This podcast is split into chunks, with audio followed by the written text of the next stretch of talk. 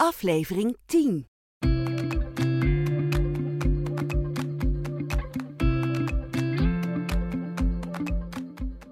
Dit is een podcast van Advocaten, Familie en Erfrecht. Met Inge Diepman en Joost Dix.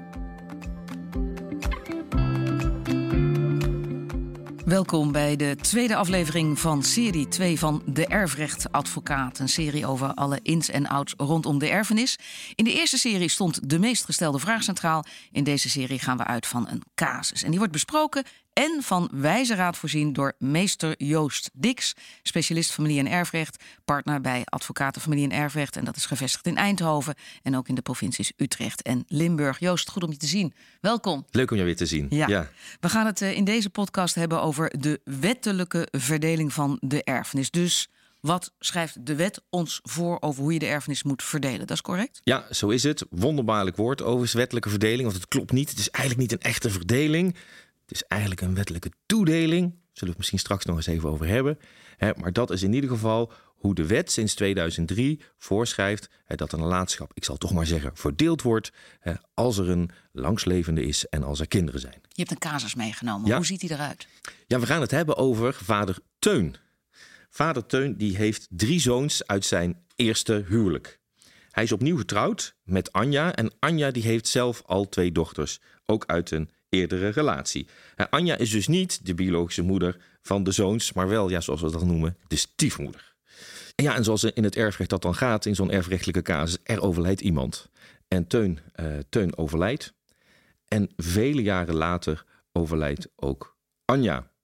Ja, en je voelt hem al aankomen. Hè, die dochters van Anja en die zoons van Teun, ja, die moeten nu met elkaar ja, die nalatenschappen uh, zien op te lossen. En wat gebeurt er? Die dochters zeggen: Ja, moeder is overleden. Wij zijn de erfgenamen van moeder. Ja, en beste zoons van Teun, jullie hebben nergens recht op.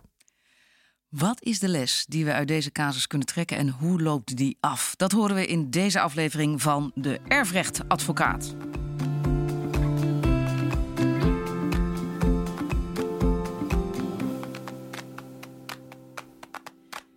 Joost, um, allereerst die wettelijke verdeling, waarvan jij zegt dat is eigenlijk een hele rare kreet, het is meer een, een toedeling. Uh, hier is de wettelijke verdeling van toepassing?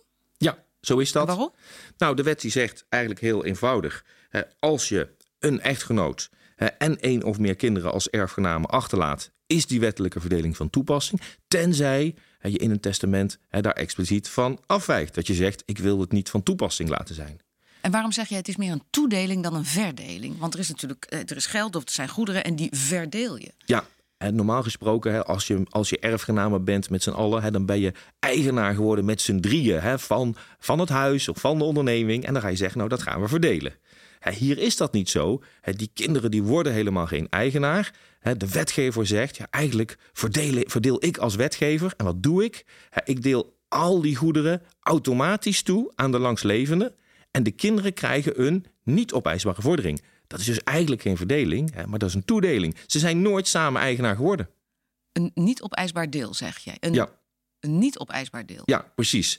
Althans, hè, we noemen het altijd niet opeisbaar deel, maar voorlopig nog niet Juist, opeisbaar. Ja, ik dacht al, je krijgt uiteindelijk toch uiteindelijk wat krijg je iets, maar het kan soms heel lang wachten zijn. Hè? Nu, nu zijn er uh, twee momenten in deze casus heel belangrijk. Je hebt het moment dat vader overlijdt uh, en jaren later overlijdt de stiefmoeder. Mag ik heel even met jou terug naar dat moment dat vader overlijdt? Uh, wanneer is dat? Want een jaartal is volgens mij in dit geval, volgens de wet, wel heel erg belangrijk. Hè? Ja, nee, zo is dat. Hè. Die wettelijke verdeling hè, die staat in de wet sinds 2003. En waarom was dat zo? Vroeger, om de langslevende te beschermen, dus voor 2003, moest je naar de notaris. En dan moest je wat heette toen de ouderlijke boedelverdeling. Daar hebben heel veel mensen nog testamenten van, al die oude ouderlijke boedelverdelingen. En in zo'n testament moest je dan opschrijven: Goh, kinderen, jullie krijgen voorlopig nog niks hè, als mijn man of mijn vrouw overlijdt. Je moet wachten tot zijn of haar overlijden. Want anders zou het bijvoorbeeld zo kunnen zijn, als je met de kinderen moet afrekenen, hè, dat je je huis zou moeten verkopen.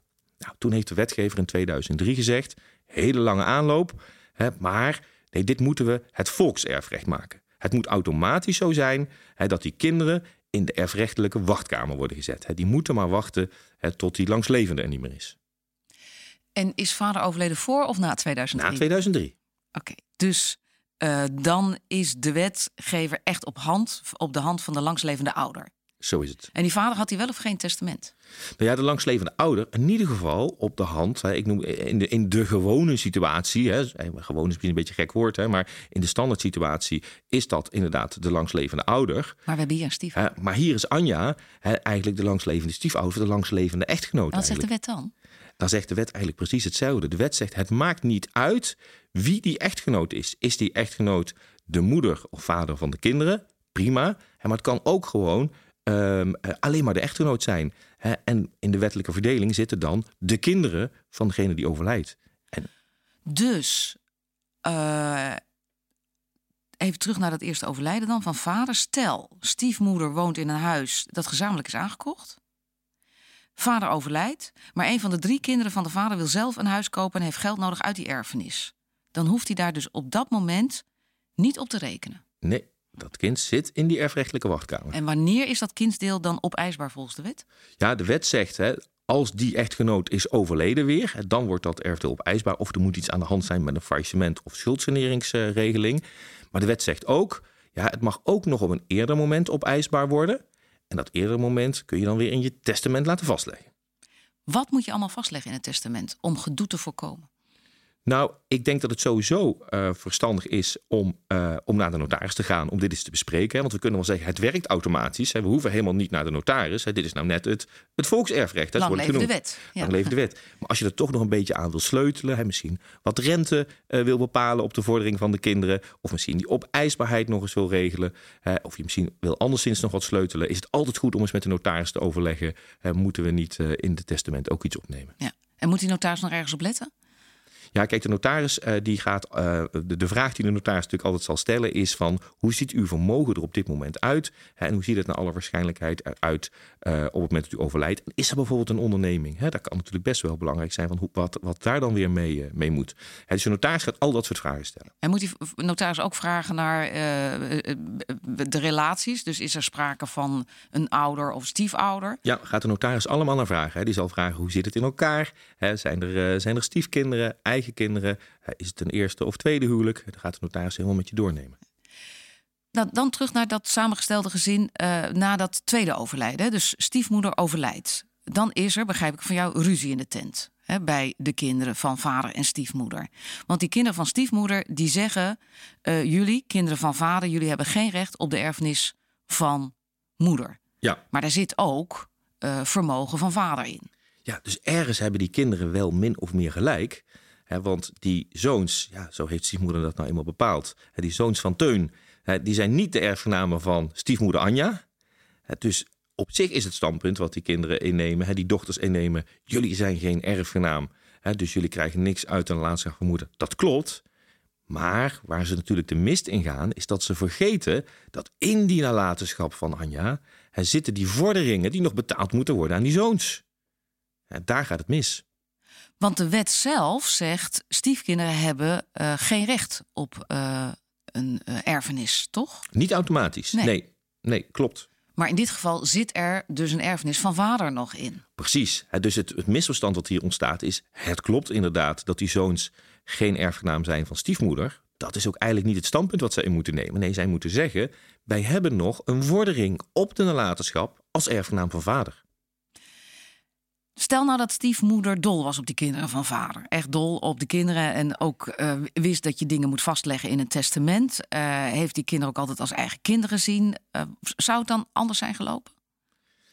Nou ja, wat je, op zich zou, je het bij vader al anders gelopen kunnen zijn. Hè? Vader Teun had bijvoorbeeld kunnen zeggen: Goh, ik betrek mijn stiefkinderen in de wettelijke verdeling. Dus als er eenmaal eigen kinderen in de wettelijke verdeling zijn, dan mag je die stiefkinderen erbij zetten. Dat had gekund. Dan waren er nog een paar meer vorderingen geweest in de laatschap van Anja. En uiteraard had stiefmoeder ook nog kunnen zeggen: Goh, ik benoem ook uh, de zoons van Teun tot erfenaam. Dus dan uh, was het misschien allemaal wat minder spannend geweest, omdat je dan natuurlijk dezelfde erfgenamen hebt met eigenlijk gelijk, uh, gelijklopende belangen. Dit, dit is volgens mij ook wat je uh, als notaris heel helder moet maken. Hè? Als ze, hè, hier zijn ze niet naar de notaris gegaan voor een testament, maar als ze naar de notaris gaan voor een testament, moet je, moet je dit volgens mij vooral heel helder uitleggen. Ja, zeker. Dat is van belang. Maar wat nog belangrijker is, is natuurlijk na dat overlijden van Teun. Want uh, daar ging er iets mis. Hè, want wat hebben ze daar natuurlijk niet gedaan? Ze hebben daar geen berekening gemaakt van die vordering. Er had natuurlijk toen, na dat overlijden, had uitgerekend moeten worden. wat is die vordering van die kinderen? Hoe bereken je die? Ja, die bereken je dus in de, de omvang van de nalatenschap. Dus het is eigenlijk heel, eh, heel eenvoudig. Je kijkt gewoon waar bestaat de nalatenschap uit. Wie zijn, eh, wie zijn de erfgenamen? Dus in dit geval was Anja natuurlijk zelf, stiefmoeder was erfgenaam. Er waren drie zoons. Dus ze kregen allemaal een vierde van de nalatenschap waar we het vorige ook over gehad hebben, is van ja, let op, er kan ook nog zoiets als huwelijksvermogensrecht spelen. Als ze bijvoorbeeld in de algemene gemeenschap van goederen getrouwd waren, dan had Anja al de helft van het vermogen, dus die helft had ze al. Dan is de andere helft de nalatenschap en in die helft krijgt iedereen dan een vierde. Zo ga je dat berekenen. En het kan best wel zijn dat voor die berekening het nodig is dat er taxaties gedaan worden, waarderingen van de aandelen in de onderneming of van onroerend goed. Dat kan allemaal mogelijk zijn. Ja, zie je dan nog hè, dat als het dan duidelijk is eh, wie welk kindsdeel krijgt, of dat iedereen een kindsdeel krijgt, dat is in dit geval dan zo, uh, dat er dan nog oneenigheid ontstaat over die waardebepaling? Ja, zeker. Er kunnen allerlei factoren spelen. Wat hoort nou in die nalatenschap of niet? Hoe moet dat huwelijksvermogensrecht worden afgewikkeld? Eh, hoe zit het met de waardering van, eh, van de onderneming? Zitten daar nog eh, latente belastingclaims op? Nou, ik kan wel honderd voorbeelden noemen waarover, dus dat je kunt zeggen, daar ontstaat discussie over. Ja, en dan is er nog een escape, zegt de wetgever, als je het niet in onderling, kunt, uh, onderling overleg kunt vaststellen, dus die langslevende met die kinderen, dan is daar nog de rechter. Dus de rechter heeft een specifieke bevoegdheid gekregen in boek 4. En dan gaan we naar de rechter en dan gaat de rechter de vordering vaststellen. Is, is er dan ook al een erfrechtadvocaat over de vloer geweest? Ja, dan is er een erfrechtadvocaat over de vloer geweest. En die heeft dan uh, met partijen, hè, de ene advocaat voor de ene partij, de andere met de andere partij, meegekeken van Um, kunnen we eruit komen? Dat is natuurlijk altijd de dure taak van de erfrechtadvocaat. Kunnen we in onderling overleg eruit komen? Als partijen bijvoorbeeld een verkeerd uitgangspunt hebben, dan kunnen de advocaten daar, uh, daarop wijzen. maar als er discussie blijft, technische discussie, wat moet er mee, wat moet er niet mee, hoe wordt het, uh, hoe wordt het gewaardeerd, ja, dan zal um, de erfrechtadvocaat uh, de rechter vragen om de vordering van de kinderen vast te stellen. Mag je het zo zwart-wit zeggen dat uh, in geval van dit soort ingewikkelde, uh, die hebben we veel overigens in deze huidige tijd, uh, gezinssamenstellingen, dat, dat je niet te lang moet wachten met het inschakelen van erfrechtadvocaat. Ik snap, ik snap namelijk wel, hè, gezien financieel overweging, dat je denkt van ik haal er geen advocaat bij. Dat is ook misschien niet persoonlijk genoeg. dat vinden we naar, komt er een vreemde over de vloer en bovendien kost geld. Maar ik kan mij zo voorstellen, ook bijvoorbeeld in dit geval van uh, Teun en Anja en de kinderen, dat, dat men er misschien te lang mee wacht, waardoor er veel meer gedoe komt dan als je eerder een erfrechtadvocaat inschakelt. Wat, wat doe jij op het moment dat je wordt ingeschakeld? Nee, helemaal eens. Het conflict kan natuurlijk oplopen. En als de erfrechtadvocaat een partij erop kan wijzen dat die misschien het niet helemaal goed ziet, of dat hij het wel heel goed ziet, maar dat de andere partij erop gewezen moet worden, en dan kan misschien een eenvoudig misverstand weggenomen worden, waardoor misschien de hele zaak opgelost wordt. In plaats van dat er een soort zee van emoties krijgt. Precies. En, en verstoorde relaties. Ja, en als dat nou niet lukt, hè, dan zal eh, de erfrechtadvocaat ook als filter dienen. En dan zal de erfrechtadvocaat gewoon gaan kijken: oké, waar gaat het nu om? Waar gaat het nu zakelijk om? Waar gaat het juridisch om? En als je dat opgelost hebt, en dan zie je vaak ook uh, dat uh, mensen weer, als daar behoefte aan bestaat, aan de relationele sferen kunnen gaan werken. Ja, zie je dat vaak? Dat gebeurt toch wel. Ja, dat, dat men toch elkaar weer kan vinden, omdat ja. een min of meer vreemde met verstand van zaken de boel eventjes uh, klinisch op een rij heeft gezet. Ja, zo is dat. Zo is dat. Hoe is het eigenlijk bij deze Teun en Anja en de vijf keer vast vooral, hoe is het met die vijf kinderen afgelopen? Ja, wat hier, wat hier gebeurd is, is dat, dat uiteindelijk um, er helaas toch naar die rechter gegaan is, omdat men er niet uitkwam. Uh, hadden ze maar iets eerder die erfrechtadvocaat ingeschakeld, denk ik dan. De rechter heeft keurig de, de vorderingen van de zoons van Teun vastgesteld. En de kinderen van Anja, de dochters van Anja, hebben die vorderingen netjes betaald uiteindelijk. En die dochters hebben wat er vervolgens over was in de laadschap van Anja verdeeld. Dus het is uiteindelijk uh, voor iedereen goed gekomen. Meester Joost Dix, de erfrechtadvocaat. Wat is je wijze raad? Ja, de wijze raad die volgt eigenlijk denk ik heel duidelijk uit die casus. Het is altijd wijs om na het overlijden van die eerste ouder alvast die vorderingen van die kinderen vast te leggen. Want het kan nog heel lang duren voordat die vorderingen betaald moeten worden. En dan kan het steeds ingewikkelder en ingewikkelder worden om die vordering vast te stellen. Probeer maar eens iets van twintig jaar geleden nog te reconstrueren. En als je die vordering moet vaststellen en het lukt in onderling overleg niet, is het natuurlijk verstandig een erfrechtadvocaat te vragen om het verzoek bij de rechter te doen om de vorderingen van de kinderen vast te stellen.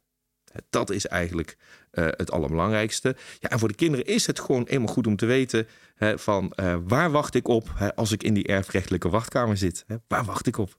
Dankjewel Joost. Dankjewel.